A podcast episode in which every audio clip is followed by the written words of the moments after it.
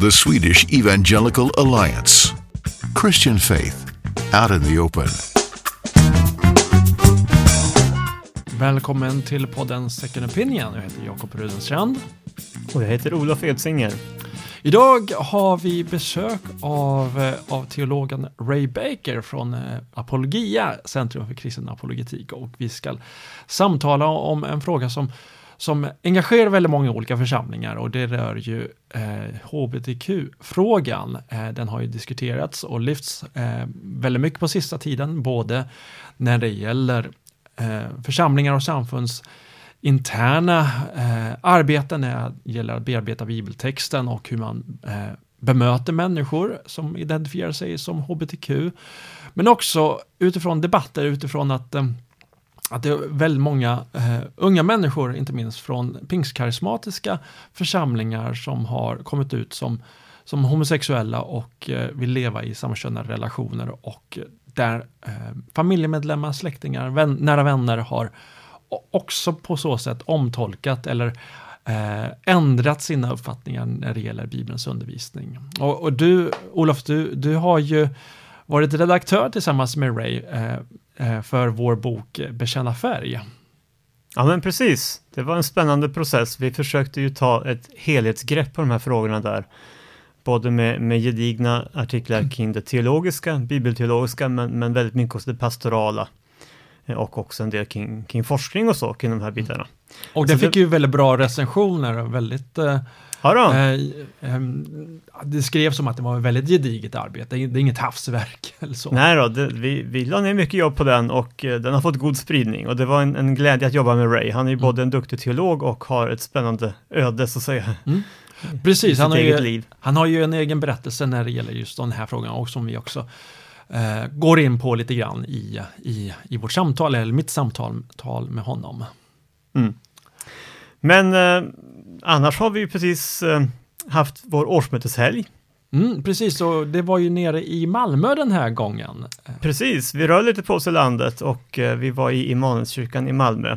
Eh, så det var, var spännande att komma söderut, det är en bit från Stockholm. Mm. Få träffa också gräsrötter mm. i det här fallet i Malmö. Och du höll ett vi brukar ju oftast ha ett, ett efterföljande föreläsning i olika aktuella ämnen som, som berör kristna och du, du pratade om eh, Gamla Testamentets tillförlitlighet. Ja men precis, det är ju en fråga som har följt mig också genom åren. I grunden för att jag har en väldig kärlek till Gamla Testamentet. Det är ju den bibel som Jesus läste mm. och jag har det liksom med mig sedan, sedan långt tillbaka att, att här lär vi verkligen känna Herren också på ett eh, avgörande sätt. Eh, samtidigt som det ju också finns en del saker som kan skava i Gamla Testamentet och, och, även för oss som kristna där vi märker att här, här finns det en skillnad mellan Nya Testamentets bud och undervisning och, och en del av det som, som står att läsa i Mose lag till exempel. Mm. Mm. Eh, så att eh, det var ett fint tillfälle att få stanna upp inför det och, och jag tänker att eh, Eh, förutom att, att försöka reda ut ett och annat frågetecken så, så tror jag att det är viktigt att vi försöker hitta en systematik kring hur vi jobbar med de här texterna. Mm. Eh, det blir lätt lite random att man, man blandar och ger och, och, tar de saker man tycker verkar lättsmälta är ju naturligtvis inget större problem och sen mm.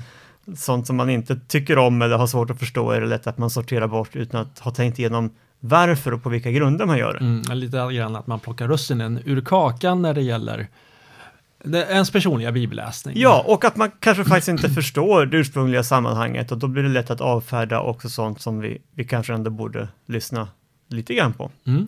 Så att eh, det var ett bra tillfälle att få, få, ge lite goda grunder. Skillnaden mellan Sinai-förbundet och det nya förbundet, bara en mm. sån sak är mm. ganska tydliga eh, riktlinjer för, för, hur vi läser de här texterna. Och mm. samtidigt eh, med, med en, en, en genuin tilltro till att det här fortfarande är Guds ord. Mm. Eh, om än inte alla lagar är bindande för oss mm. idag. Mm. Ja, förutom årsmöte då, så innan dess var det påsk. Ja. Och då vet jag att du, du fick korn på en artikel som... ja, precis. Det var min... Eh, det var min gamla lärare på Södertörns högskola, David Turfjell, eh, Mm. som skriver Dagens Nyheter. Och det är ju lite grann som ett stående inslag när det gäller de, de, de, de kristna högtiderna att, att då får eh, inte minst kultursidorna i våra sekulära tidningar anledning att, att beröra kristen tro. Och det är ju det är uppfriskande, det, det, det betyder ju väldigt mycket för det, det offentliga samtalet att vi kan diskutera religion, vi kan diskutera kristen tro utan att, utan att det anses som, som, som skämmigt, som, Mm, som, som, ja. som man kanske upp, uppfattar det som. Eh, men du pratade ju om Gamla Testamentets tillförlitlighet. I den här artikeln av, av David så tog han ju upp eh, huruvida uppståndelsen är tillförlitlig. Eh, och eh, jag uppskattar ju väldigt mycket att han som, som, som en icke-kristen forskare tog upp att, eh, att tron, alltså lärjungarnas tron att Jesus verkligen hade uppstått fysiskt är något väldigt, väldigt tidigt. Mm. Eh, och det, att det är för tidigt förekommande en sådan bekännelse. Eh, samtidigt så, så lyser det ändå igenom en, en del sekulära livsåskådningar eller sekulära tolkningsmönster hos honom. Eh, jag tänker att han, han tar ju upp eh, bland annat i sin text, och det, man, man kan gå in och läsa den texten på Dagens Nyheter, vi kommer länka till den i i, vår, eh, i, i avsnittsbeskrivningen. Eh, rubriken är Ångesten besegras genom att gå rakt in i mörkret. Eh, Det, är- det är en väldigt fin Mm. artikel om just hur den kristna tron kan ge mening åt, åt eh, livets mörka sidor. Men han landar ändå i att, att man ska förstå uppståndelsen som en myt och då inspirerad främst av de grekisk-romerska ehm, eh, myterna.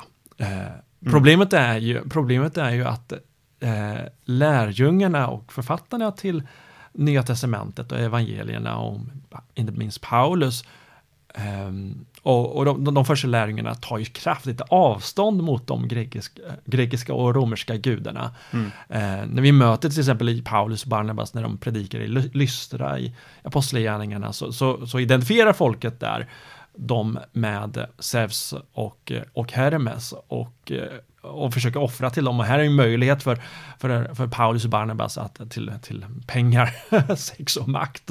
Mm. Eh, men de reagerar kraftfullt mot detta och talar om de grekiska gudarna som maktlösa gudar. Mm. Eh, eh, sen, tar ju, sen tar ju David upp, jag vet inte om, om det är Mitraskulten han tar upp i sin artikel, för han tar ju och liknar uppståndelsen vid Eh, de, de så kallade gamla mysteriekulterna eh, eller att, att det finns en finns likheter mellan Jesu liv och eh, Mellanösterns eh, gudar, att det är gudar som föds i grottor och så vidare. Men jag, jag, det, det, det ska jag låta vara osagt, men det låter väldigt mycket som de här eh, teorierna om att Jesus är inspirerad av antika myter, men det, har ju no, det är ju något som har vederlagts av Ja. de flesta forskare. Nej, och det är ju också lite typiskt det här greppet. eh, Björn Wiman som ju också är på DN var ju inne på något liknande att, Mm.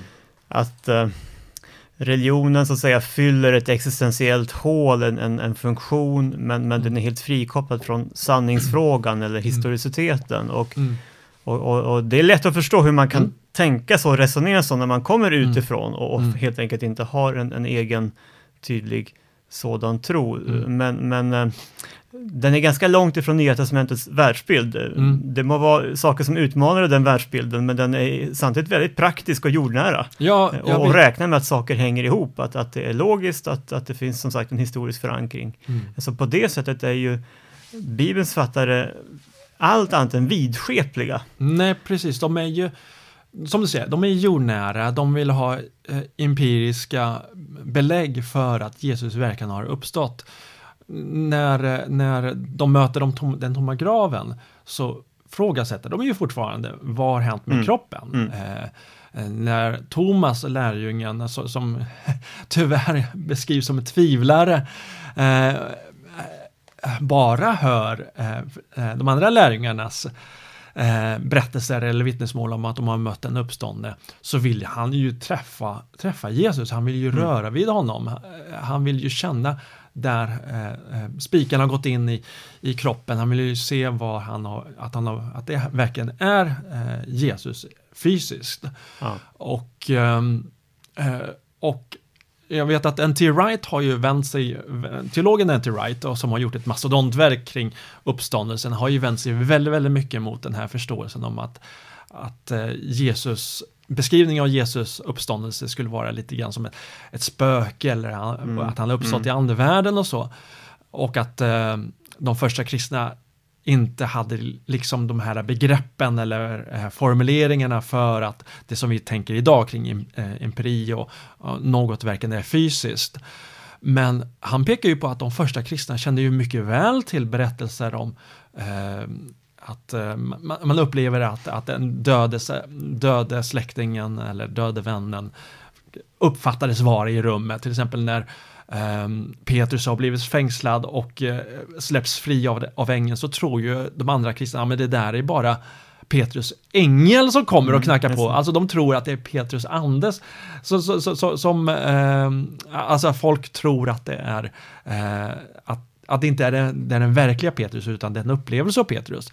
Men här är det totalt annorlunda när det gäller Jesu uppståndelse. Och eh, David Tufjell, även om jag uppskattar honom väldigt mycket, så, så skriver han om just uppståndelsevittnena så här.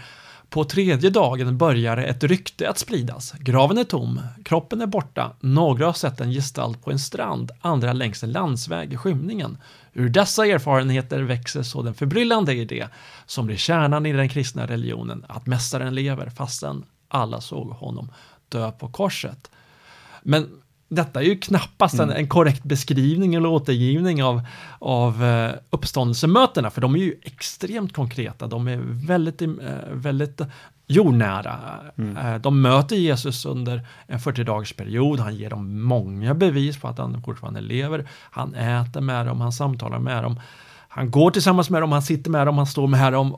Och det är vid tillfällen som är planerade i förväg och tillfällen som, som är oplanerade och med vittnen upp till 500 personer som, som Paulus skriver i första Korinthierbrevet som är ett av de tidigaste texterna. Mm. Mm. Så det, det, det är lite skrivet på ett sådant sätt att man, man, man vill ge lite mytologiskt skimmer till, till uppståndelsen. Jo, och det blir ju faktiskt eh, ett sätt att distansera sig från källorna och, mm. och på det sättet tyvärr lite respektlöst mot källorna, trots mm. att det finns mycket annat som är fint och tänkvärt i artikeln. Eh, och trots allt så, så har ju kyrkan vuxit, inte bara för ett, ett rykte någon gång i det förflutna, utan för mm. att människor har haft levande möten med denne uppståndne Kristus i generation efter generation. Mm. Och lärjungarna, de som var med honom, de var ju villiga att gå ända in i döden för, att, för denna bekännelse. Och det, det, det visar, visar ju att, att de första kristna var inte ute efter makt, de var inte ute efter berömmelse, utan, utan eh, de verkligen trodde på detta.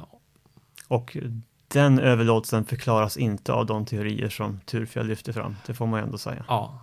Så det vore spännande att få ta en, en diskussion någon gång. Ja, jag får och, och väl... faktiskt väga argumenten. Det kanske är en ja. uppgift för dig, Jakob. Ja, jag får väl eh, försöka ordna en fika med honom. Jag försökte, vi, har, vi, har, vi har försökt det tillsammans olika, på olika gånger och Eh, jag uppskattar jag verkligen David. Det är en, en eh, härlig kille, och, eh, men som sagt, man, man, kan, man får tycka olika. Och här tycker jag att, att han borde, borde ha skrivit lite annorlunda. Men det är bra att, att kristen tro diskuteras. Och nu ska vi ju gå över, efter denna korta, raska intro, ska vi gå över till att ha mitt samtal till med Ray Baker om just hur kyrkor kan arbeta eh, mer konstruktivt med hbtq-frågan. The Swedish Evangelical Alliance Christian Faith and Public Opinion Välkommen till eh, podden eh, Second Opinion, eller Svenska Evangeliska Alliansens podd, Ray. Det var jättekul att vara tillbaka. Du har ju varit med oss tidigare. Eh, minns inte vilket, vilket program det var i ordningen, men, men jag minns i alla fall att du, du var med vid ett tidigare tillfälle. Ja, jag tror att det var precis när eh, boken Bekänna färg släpptes, så det är cirka fem år sedan. Ja, precis. Fem år sedan. Vi, vi får eh, ta det tillbaka liksom var femte år och uh, prata om ja. nästan samma ämne. Det, det, den, den, som, den som vill veta mer om, om boken Bekänna färg, färg kan ju både beställa boken via någon av våra organisa respektive organisationer eller gå tillbaka och lyssna på det här poddavsnittet. Eh, det är väldigt roligt att ha dig tillbaka. Vi ska ju samtala om dessa frågor, och hbtq och eh, hur församlingar kan arbeta med dessa frågor. Du arbetar för våra vänner i Apologia, kristen, eh, eh Centrum för kristen apologetik. Det har precis varit påsken. Jag gissar att ni har varit ute en hel del och, och pratat om de historiska skälen för, för Jesu uppståndelse. Eh, men de här frågorna, ni, jag gissar att ni också är ute en del och, och pratar om de här frågorna, eftersom de, de bränner ju också till jo, i vår, vårt samhälle. Ja, det stämmer bra, just för att det händer så mycket i, i i frikyrkorna här i Sverige just nu, eh, både med EFK-processen som nu börjar komma in för landning efter två års tid och, och eh, Niklas Pienzos eh, Eh, uppmärksammade bibelstudier här före jul och ja, mycket annat som händer i frikyrkosverige.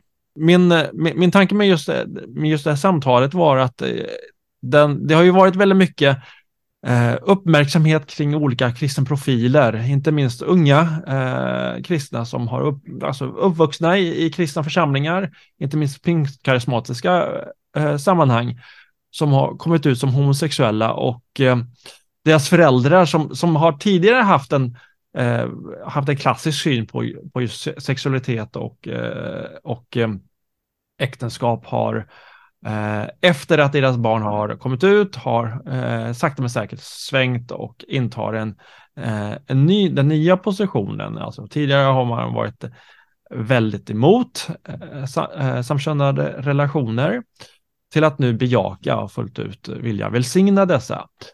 Eh, och ehm, många, i många fall har det ju handlat om kristna ledare som har ändrat uppfattning och ehm, Eh, därför skulle det vara intressant att samtala lite grann kring dessa frågor mm. med dig, eh, Ray, eftersom eh, både utifrån eh, dina samtal i församlingar men också utifrån din egen bakgrund. Eh, skulle du kunna dela lite grann av, av det? Ja, precis.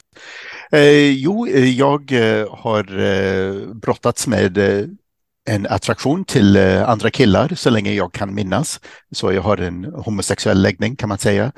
Eh, men just på grund av min, eh, min läsning av Bibeln har jag inte kunnat se hur Gud kan välsigna samkönade sexuella relationer. Och som resultat av det har jag valt, ja, först till att börja med att leva i sexuell avhållsamhet, men så småningom gifte jag mig med en, en kvinna och vi har varit gifta nu i snart 26 år. Och det har jag pratat om offentligt i väldigt många olika sammanhang eh, och skrivit om det i boken Bekänna färg. Och just nu får jag rätt många kallelser till, till olika församlingar Eh, för att prata om det här. Och en, många av dessa församlingar är precis i startgropen för, eh, för den egna bearbetningen. Hur ska vi för, som församling förhålla oss till det här och, och hur, hur ska vi som församling kunna älska uh, hbtq-personer utan att göra avkall på det som vi ändå anser vara våra bibliskt grundade övertygelser angående sex och äktenskap.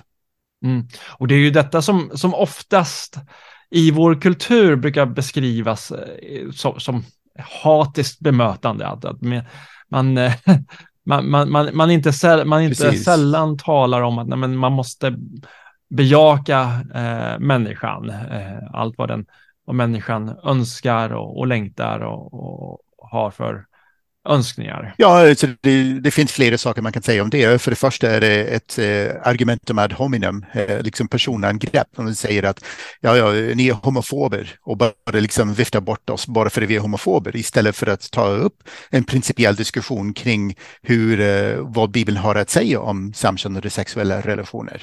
Mm. Och det är det första. Och sen för det andra så tycker jag att det är väldigt eh, viktigt för oss att, att hålla kvar den här distinktionen mellan person och handling. Och det är eh, någonting som jag anser att vi ser även i Bibeln, i Jesu möten med olika uh, människor som hade dåligt rykte eller hade mm. uh, syndat på fel sätt så att säga, uh, hade mindre respektab respektabla synder. Mm. Som äktenskapsbryterskan och kvinnan vid Sikars brunn och den unge rike mannen och Sackaios med flera. Alltså han älskar och möter dem som person utan att liksom sänka ribban vad det gäller deras beteende och deras handlingar, utan synd är fortfarande synd. Men han älskar dem som person. Mm. Det finns mycket att säga, säga om detta och tänkte, just, tänkte att vi ska börja lite grann med vad, vad, vad just Bibeln eh, säger om, om samkönade sexuella relationer. Eh, för, för det, det, det är som du säger, den, den säger inte så jättemycket om ehm, Eh, om känslor och, eh, och tankar och de, de bitarna. Att, att vi människor, vi, vi är komplexa varelser, vi kan ha olika känslor och dras till olika människor. Eh, men det är ju snarare just handlingen som betonas just i, i Bibeln och det, det, det återgående, återkommande ser i, i, i de bibliska texterna att det, att det handlar om eh, relationer, det handlar om eh, handlingen som, som, som Bibeln fördömer eller tar avstånd, tar avstånd ifrån. Ja, precis. För att, eh, alltså, det är en del människor som säger att eh, människor i den antika världen inte riktigt visste att uh, någonting om en homosexuell identitet eller homosexuell läggning. Mm. Men eh, vi vet från eh, flera antika texter, bland annat från både Aristoteles och Platon, att de förstod att vissa människor föds som homosexuella. Uh, så att uh, eh, ja, hu huvudsaken, så jag anser då som bibeltroende kristen att, uh, att det inte ligger någon skuld i det att man har sådana känslor. Mm. Eh, att man har en viss attraktion till, eh, till människor av samma kön. Utan det är just vad man gör utifrån de förutsättningarna som man har, som, eh, där det finns ett moraliskt ansvar för var och en av oss.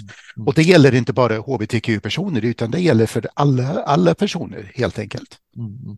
Samtidigt så finns det också ett, ett, stort, ett stort ansvar för som för församlingar att inte lägga skuld på människors känslor, för att det är oftast det som återkommer Precis. i de här ja. vittnesmålen, i vittnesbörden från människor som har vuxit upp i, i församlingar som har upplevt en väldigt stark skuld och skamkänsla för sina känslor.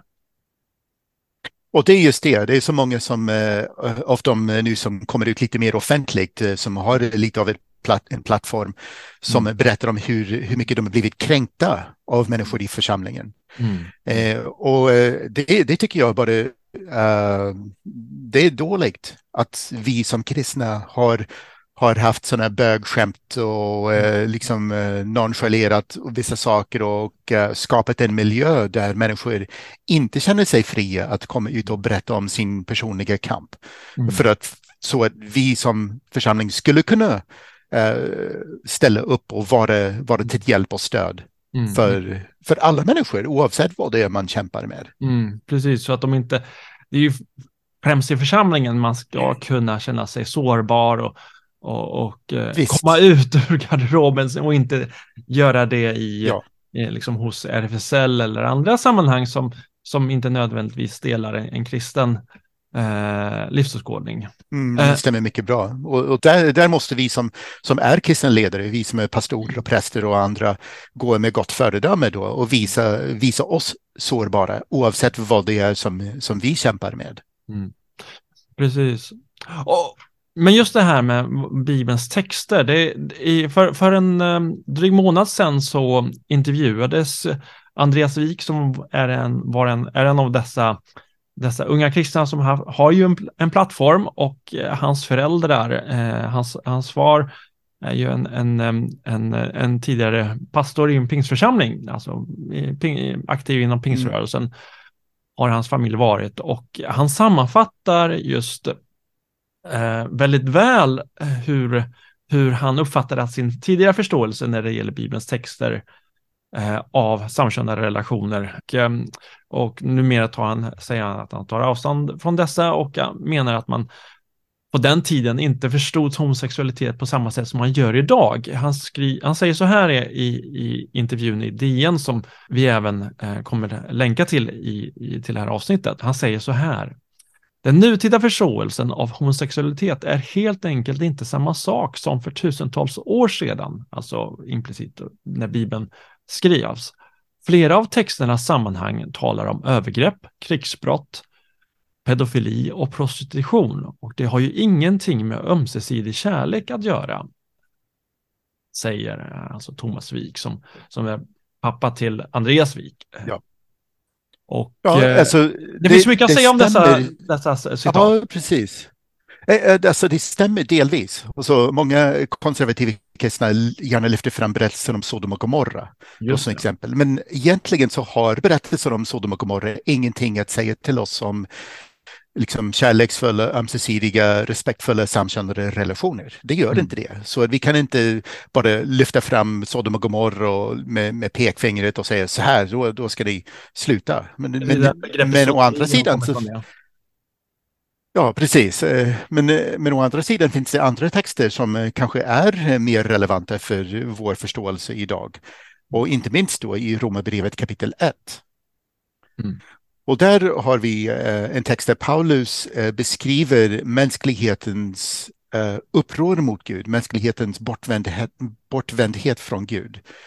Och han nämner flera olika synder som exempel för det där. När, när Gud låter människor göra som de vill, när de tillber, den, tillber skapelsen istället för skaparen, när de inte ger Gud den ära som Gud eh, förtjänar, då eh, kan det urarta åt alla möjliga håll. Och där nämns bland annat då eh, kvinnor kvinnor som som upptändes av begär till varandra och uh, män som uh, ligger med andra män, uh, med mera. Mm. Och det, det är noterbart att det inte enbart handlar, eller Paulus talar ju inte om, om direkt övergreppssituationer i den, i den texten, utan det handlar ju om, det finns ju en ömsesidighet som han talar om, att det handlar om människor som upptändes av begär till varandra. Ja, eh, precis. De här symptomen. Och, och, just, och det, är, det är mycket uh, anmärkningsvärt här att, att Paulus nämner lesbiska förhållanden i den här mm, texten. Och det är den enda gången i hela Bibeln där lesbiska förhållanden specifikt nämns. Uh, och lesbiska förhållanden i den antika världen kännetecknades inte av våld och övergrepp och, och våldtäkt och, och sådana saker som, i, som man gärna vill uh, som man gärna vill använda för att eh, karaktärisera manlig samkönade relationer i den antika världen. Och så många som tar en mer eh, bejakande tolkning till eh, samkönade relationer idag vill gå tillbaka och omtolka den här texten i första Mosebok, och, eller i eh, vad heter det, första kapitlet i Romarbrevet och säga att det bara handlar om övergrepp till exempel en manlig slavägare förgriper sig på sina manliga slavar eller en, en vuxen man förgriper sig på tonårspojkar eller mindre pojkar. Mm. Uh, eller det var i, i form av ja, tempelprostitution eller något slags kultsammanhang uh, som hade med avgudadyrkan att göra. Ja, men alltså, det funkar inte när man läser texten uh, i och titta till detaljerna i texten. Mm. För att om Paulus bara ville kritisera den som våldtar en annan man eller en pojke eller den som förgriper sig på en pojke eller en slav, varför då skriver han inte det? Utan han verkar implicera både den aktiva partnern och den så kallade passiva partnern. Alltså båda två finns mm. med här och vi ser exakt samma, samma sak då i första Korintierbrevet kapitel 6 i texten där från vers 9 till 11. Men då skriver han från vers 9. Har ni glömt att ingen orättfärdig skall få ärva Guds rike? Låt inte bedra er, inga otuktiga eller avgudadyrkare eller horkarlar eller män som ligger med andra än män. Inga som är tjuvaktiga eller, eller själviska Inga drinkare, ovettiga och utsugare, ingen sådan får ärva Guds rike. Så har som, somliga av er levt. Men ni har låtit tvätta er rena, ni har helgats och gjorts rättfärdiga genom Herren Jesu Kristi namn och genom vår Guds ande. Det, och det är mycket i den texten som, som skaver rejält med vår, med vår samtid. Ja, visst. Du, du läser där ur eh, Bibel 2000 tror jag eh, och där tar man två mycket omdiskuterade grekiska ord och klumpar ihop dem till, till ett begrepp där, eh, men som ligger med andra män. Men i folkbibeln står det lite annorlunda. Hur, hur står det där då? Precis, och här i eh, folkbibeln eh, från 2015s eh, översättning så står det Vet ni inte att orättfärdiga inte ska få ärva Guds rike. Bedra inte er själva, varken sexuellt omoraliska eller avgudadyrkare, varken äktenskapsbrytare eller de som utövar homosexualitet, eller de som låter sig utnyttjas för sådant, varken tjuvar eller giriga, varken drinkare, förtalare eller utsugare ska ärva Guds rike. Sådana har några av er varit, men ni har tvättats rena. Och, så fortsätter det ungefär samma sak som, eller på samma sätt som Ja, precis. Och, och där ser vi att man, man gör den distinktionen mellan de som utövar homosexualitet och de som låter sig utnyttjas eh, Mm. där. Eh, så att det, det, där eh, verkar Paulus lägga skuld på både den Mm. aktiva partnern och den passiva partnern. Så att det, det skulle då vara ett argument mot den här tolkningen av uh, Romarbrevet kapitel 1, att Paulus bara kritiserar de som eh, använder samkönade sexuella relationer i, i, som någon slags maktspel eh, i, och, och, och övergrepp och liknande. Det är, det är det som är implicit i Bibel 2000s eh, användning av män som ligger med andra män. Precis. Mm. Precis. Och eh, ett, men ett argument emot, eh, nu kanske det blir lite tekniskt, men ett argument emot just bibel, eh, svenska folkbibelns översättning är ju att man använder begreppet homo, de som utövar homosexualitet. Själva begreppet homosexualitet är ju inte så gammalt så att eh, Paulus Nej, känner, precis. Och känner så till själva tekniska begreppet. begreppet. Ja, alltså själva begreppet eh, har bara funnits i typ 140 år. Det kom eh, först i tysk litteratur på 1880-talet någonting. Ja, men eh, så det är lite misslyckat att man, man använder sån, en, en sån abstrakt begrepp som homosexualitet, de som utövar homosexualitet i det här. För att ja, det handlar om handlingen och inte ett tillstånd Mm. eh, eller en identitet. Mm. Och det, det är egentligen det som ska stå i fokus Mm. och inte en människas identitet. Men, men eh, oavsett dessa tolknings eller översättningsmissar så, så, Ja. så, så, så verkar ju Paulus vara väldigt tydlig här, både i Romarbrevet och första Korinthierbrevet när det gäller eh, att det handlar inte om övergreppssituationer, det handlar inte om en eh, liksom, överordning och underordning, det handlar om eh, Ja, alltså det, det, det, det ingår det också, men det är Ja, inte begränsat det, är, till det är inte begränsat. övergreppssituation. Och det är det som, det är det som eh, eh, den här nya tolkningen eh, som Thomas Wik ger uttryck för i DN-artikeln om att flera av texternas sammanhang talar om övergrepp, eh, krigsbrott, pedofili och prostitution och det har ju ingenting med ömsesidig kärlek att göra. Att jo visst, flera av texterna tar ju såklart upp eh, övergreppssituationer eh, som, som i form av krig. Men det är inte bara det, utan det handlar också väldigt Nej. mycket om, om den, denna ömsesidighet som, som man vill försöka eh, separera från vad texterna, texterna säger. Eh, sen, sen, sen finns ju andra indirekta argument för just den, den klassiska hållningen. Det är ju Eh, med Gud, att Gud har skapat människan så, så medför det ju att Gud har ett särskilt syfte med oss som människor. Eh, och Mm. att han därför också har satt sex, vill sätta sexualiteten in i, sin, i, sin, i sitt eh, ra, rätta ramverk. Att, eh, att vi som människor eh, är såklart fria att göra, göra det vi vill eh, med våra kroppar. Eh, men att, men att det finns, men att, det, men att som, som kristen lärjunge är vi ju kallade att ära Gud med hela vår varelse och det inkluderar även vår sexualitet och eh, vår eh, identitet. Ja, absolut.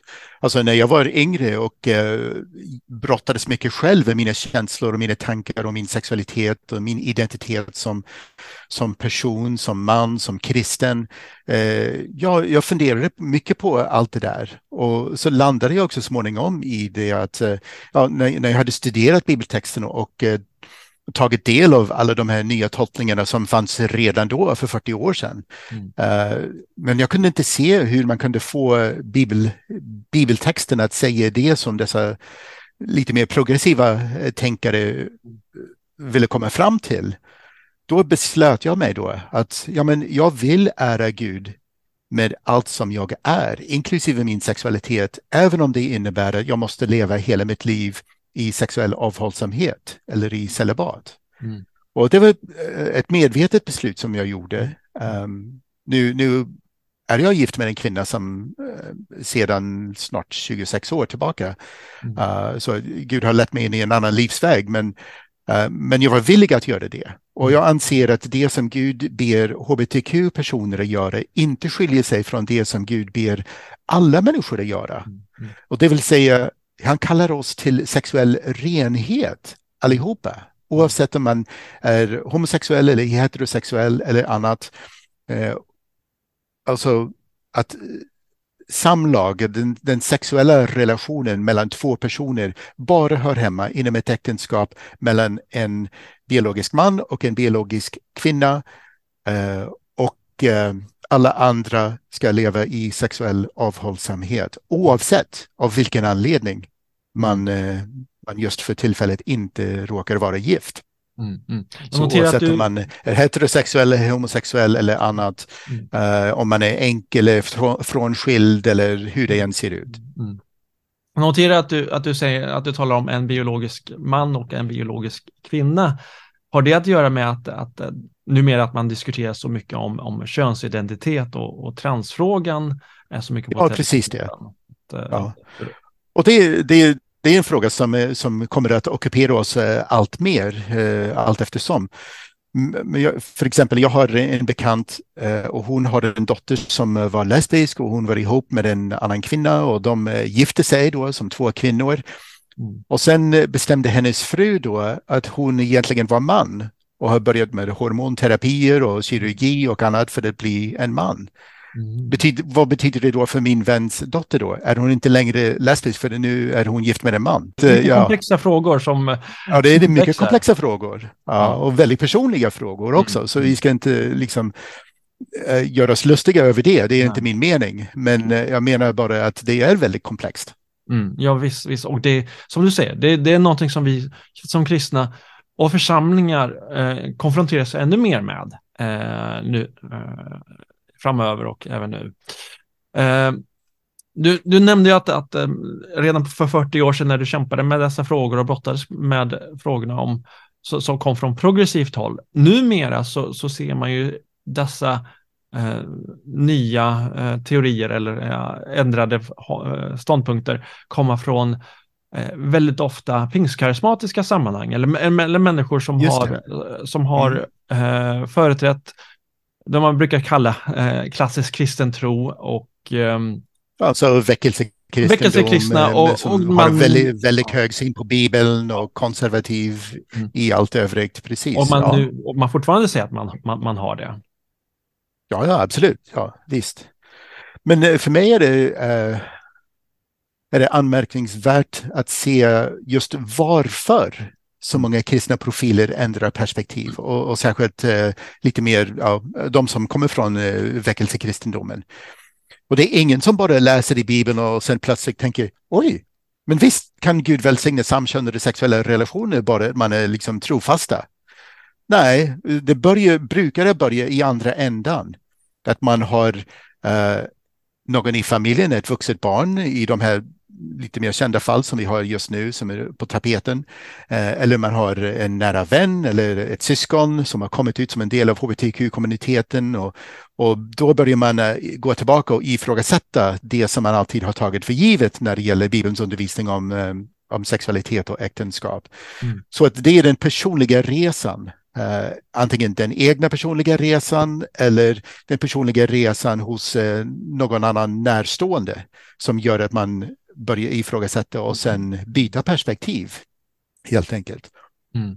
Och jag anser att eh, vi som är väckelsekristna och evangelikala kristna bör grunda vår teologi och även det kristna livet på Bibeln mm. först och främst och inte på uh, ha våra personliga känslor och, och uh, livsresor som utgångspunkt mm. för uh, hur vi formar vår teologi. Och det är ju det, det är en, det är en, det, det, är en svår balansgång där eftersom väldigt ofta så behöver ju våran bibelförståelse eh, och bibelsyn och många gånger också tolkningar av bibeln korrigeras. Eh, och det kan handla om ja, liksom, livshändelser som försätter oss i, ja. i, i, personliga kriser. Men som sagt, det finns ju också gånger där det blir där det, det liksom snarare motiverar oss till att omtolka Bibeln i, i, i viktiga avseenden. Och detta är ju såklart någonting som, någonting som vi man brottas med hela tiden, eh, från, från, inte minst de, det, här, det här hållet, där liksom människor som är uppvuxna i... Ja, men det, det är klart, alltså, eh, när, vi, när vi tolkar Bibeln mm. så, så finns det alltid fler olika ja, eh, krafter som, som eh, som samverkar där. Mm. Alltså vi har ju själva bibeltexten, men sen mm. har vi också våra personliga erfarenheter. Vi har våra kyrkliga traditioner uh, som, där vi har vuxit upp med, med både den enskilda församlingen och sen samfundsmässigt och, och så. Uh, sen har vi den bredare kulturen, Uh, så vi har olika faktorer som påverkar hur vi läser och förstår Bibeln. Men frågan är vilken del ska vi ge störst betoning? Till? Är det själva bibeltexten eller är det den kyrkliga traditionen som vi ofta möter i exempelvis i den katolska ortodoxa sammanhang? Mm. Eh, eller är det den personliga upplevelsen som vi ofta möter då uh, i lite mer uh, ja, my mysticistiska grenar inom kyrkan, inklusive den pingstkarismatiska väckelsen. Mm. Ja, just det. Just det, att det är vår personliga upplevelse ibland som, som, ja, som kan precis. vara normerande. Mm. Eh, flera, flera av de som såklart har, har vittnat om att eh, de, de eh, alltså som, som, som, kommer ut i, i, eh, som homosexuella i, i väckelsekristna sammanhang har ju också vittnat om att de har bett väldigt, väldigt mycket för att Gud ska ta bort sina känslor. Eh, framgick ja. i, i DNs intervju med Andreas Wik och har även framkommit i i andra sammanhang där, där uh, unga kristna skriver på Facebook om hur Ja, precis. Och det, de har jag har också varit med om det. Och egentligen när jag läste det där om Andreas i, i DN så, så kunde jag tycka synd om honom och, och känna stort medlidande för att jag var också i samma sits för 35-40 år sedan. Uh, när jag också gick fram på oräkneliga gudstjänster för att be en förbön och, och, uh, liksom, och min, e, min privata bön till Gud var hela tiden liksom Gud gör mig normal. Jag ville förändras. Jag ville att Gud skulle ta bort de här oönskade känslorna. Mm. Uh, men, men det har inte förändrats uh, på det sättet. Um, och eh, det finns ett begrepp då, pray away the gay. Men jag tror inte det funkar. Inte genom handpåläggning kan inte, man kan, kan inte bli befriade från som, som homosexuella känslor eller en homosexuell läggning eller så. Men eh, vi kan lära oss ändå att hantera vår sexualitet på ett sätt som ärar Gud. Mm. Oavsett om eh, mm. vi är homosexuella eller heterosexuella eller mm. annat. Ja, det handlar inte om att, om att bli, bli eh, det, en det ena eller en det andra, utan det handlar om att, att ära Gud i, i, i, vår, i, vår, eh, i vår vandring här på jorden.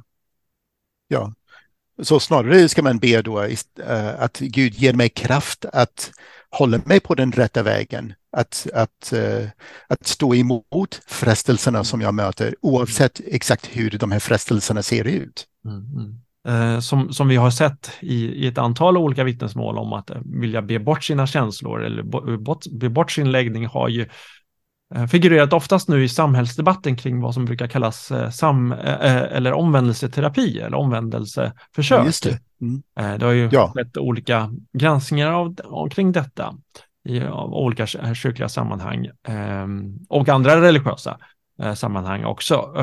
Har du någon tanke där om hur vi som kristna och församlingar ska förhålla oss till, till detta? Ja, precis. Eh, för det första, jag tycker att det är lite problematiskt att man inte har tydligare definitioner på vad som är omvändelseterapi för någonting. Mm. Alltså, om eh, en eh, homosexuell person går till en pastor eller präst eller själavårdare och bara vill ha förbön för att hantera sina känslor och frestelser, blir det omvändelseterapi till mm. exempel. Mm, precis, det, det, det, har ju man har inte riktigt kommit fram till en en lämplig definition. Nej, precis. Och, och så att det, det, blir Tyvärr så misstänker jag att det blir många rättsfall framöver mm. där eh, eh pastorer och präster och andra ställs inför rätta då, bara för att man har bett för en, en hbtq-person att han eller hon ska känna styrka att kunna stå emot sina frestelser, att leva i sexuell avhållsamhet. Mm. Uh, om det är nu den livssituation som personen befinner sig i. Ja. Och sen finns ju också den andra aspekten att, att, att, vi, att pastorer måste säga nej eller känner sig nödgade att säga nej till alla de som är homosexuella och söker själavård och bara säger ja till heterosexuella. Det, att det liksom blir en form av diskriminering ja. där, inom citattecken, att, vi, att pastorer bara kan ha samtal om, om, mm. om relationer. Ja, precis. Stort tack till dig, Ray, för att uh, du tog dig tid att samtala om detta.